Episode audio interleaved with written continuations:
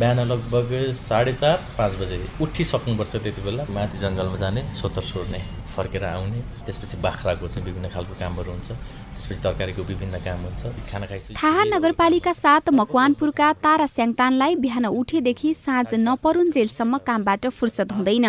स्याङतानले व्यावसायिक रूपमा कृषि थालेको छ वर्ष भयो। दुई हजार एकहत्तर सालमा रोपेको किवी अहिले फल्न थालेको छ। पचास रोपनी जग्गामा छ सय पचास बोट किवी छ। विषादी रहित तरकारी उत्पादन सँगै व्यावसायिक रूपमा बाख्रा पालन पनि गरिरहनु भएको छ।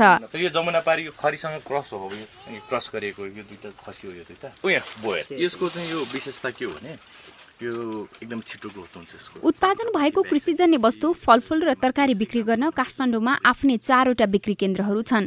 पशुजन्य उत्पादनलाई बजारीकरण गर्न मिटमाट पनि सञ्चालनमा ल्याउनु भएको छ। कृषिजन्य वस्तु भनेको चाहिँ तपाईँको सिर्फ उत्पादन गर्न मात्रै सिकायो क्या। कृषिजन्य वस्तु उत्पादन गर्न मात्रै होइन बजार व्यवस्थापन पनि आफैले सँगै लानुपर्छ भनेर अहिले हामीले भनिरहेको छौँ हजुरले अघि भर्खर देख्नुभयो यहाँ मेरो आउटलेटमा हामीले आफ्नो उत्पादन अहिले त्यहीँ राखेर बेचिराखेको छ। र बजार व्यवस्थापन आफैले गर्न सकेको खण्डमा नेपालमा अथाह सम्भावना छ कृषिमा। परम्परागत रूपमा कृषि पेसा अङ्गालेको ताराको परिवार उहाँले दुई हजार सडसठी सालमा भेटेनरी जेटिए पढेपछि परिवार नै कृषि उद्यमतिर बदलियो।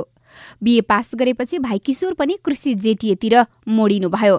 दाजुभाइको अनुभवले छ वर्षमा जीवनले नयाँ मोड लिएको छ। आम्दानी आफैले बजार व्यवस्थापन गर्न थालेपछि अत्यन्तै राम्रो भएको छ। छैटौँ वर्षमा प्रवेश गरिरहँदाखेरि चित्त बुझ्दो छ। चित्त बुझ्दो भनेको जस्तो कहिले नौ दस लाख रुपियाँ आम्दानी भइराखेको हुन्छ कहिले चार पाँच लाख रुपियाँ भइराखेको हुन्छ होइन? बजारमा अहिले सात सय रुपियाँ किलोमा किवी बिक्री भइरहेको छ। गएको वर्ष पाँच सय केजी किवी बिक्री गर्नुभएका उहाँको यस वर्ष बिस टन बेच्ने लक्ष्य छ। ताराको सोच छ कृषिलाई पर्यटनसँग जोड्ने। हरेक गाउँमा उहाँ पर्यटनको सम्भावना देख्नुहुन्छ।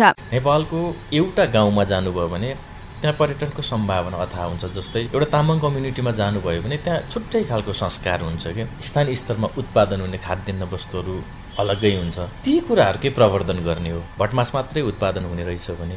त्यो भटमासको विभिन्न खालका परिकारहरू बनाइदिउँ। कृषिमा आउन चाहने युवाहरूलाई ताराको एउटै आग्रह छ बुझेर आउनुहोस्। कृषिमा सम्भावना छ भविष्य उज्जवल छ। अस्ति भर्खर चितवनमा चाहिँ बन्दा नबिकेर डोजर लगाए।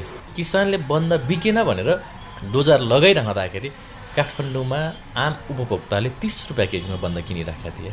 बजार छैन रहेछ र बजार छ त। गीता चिमोरिया सिआइएन काठमाडौँ।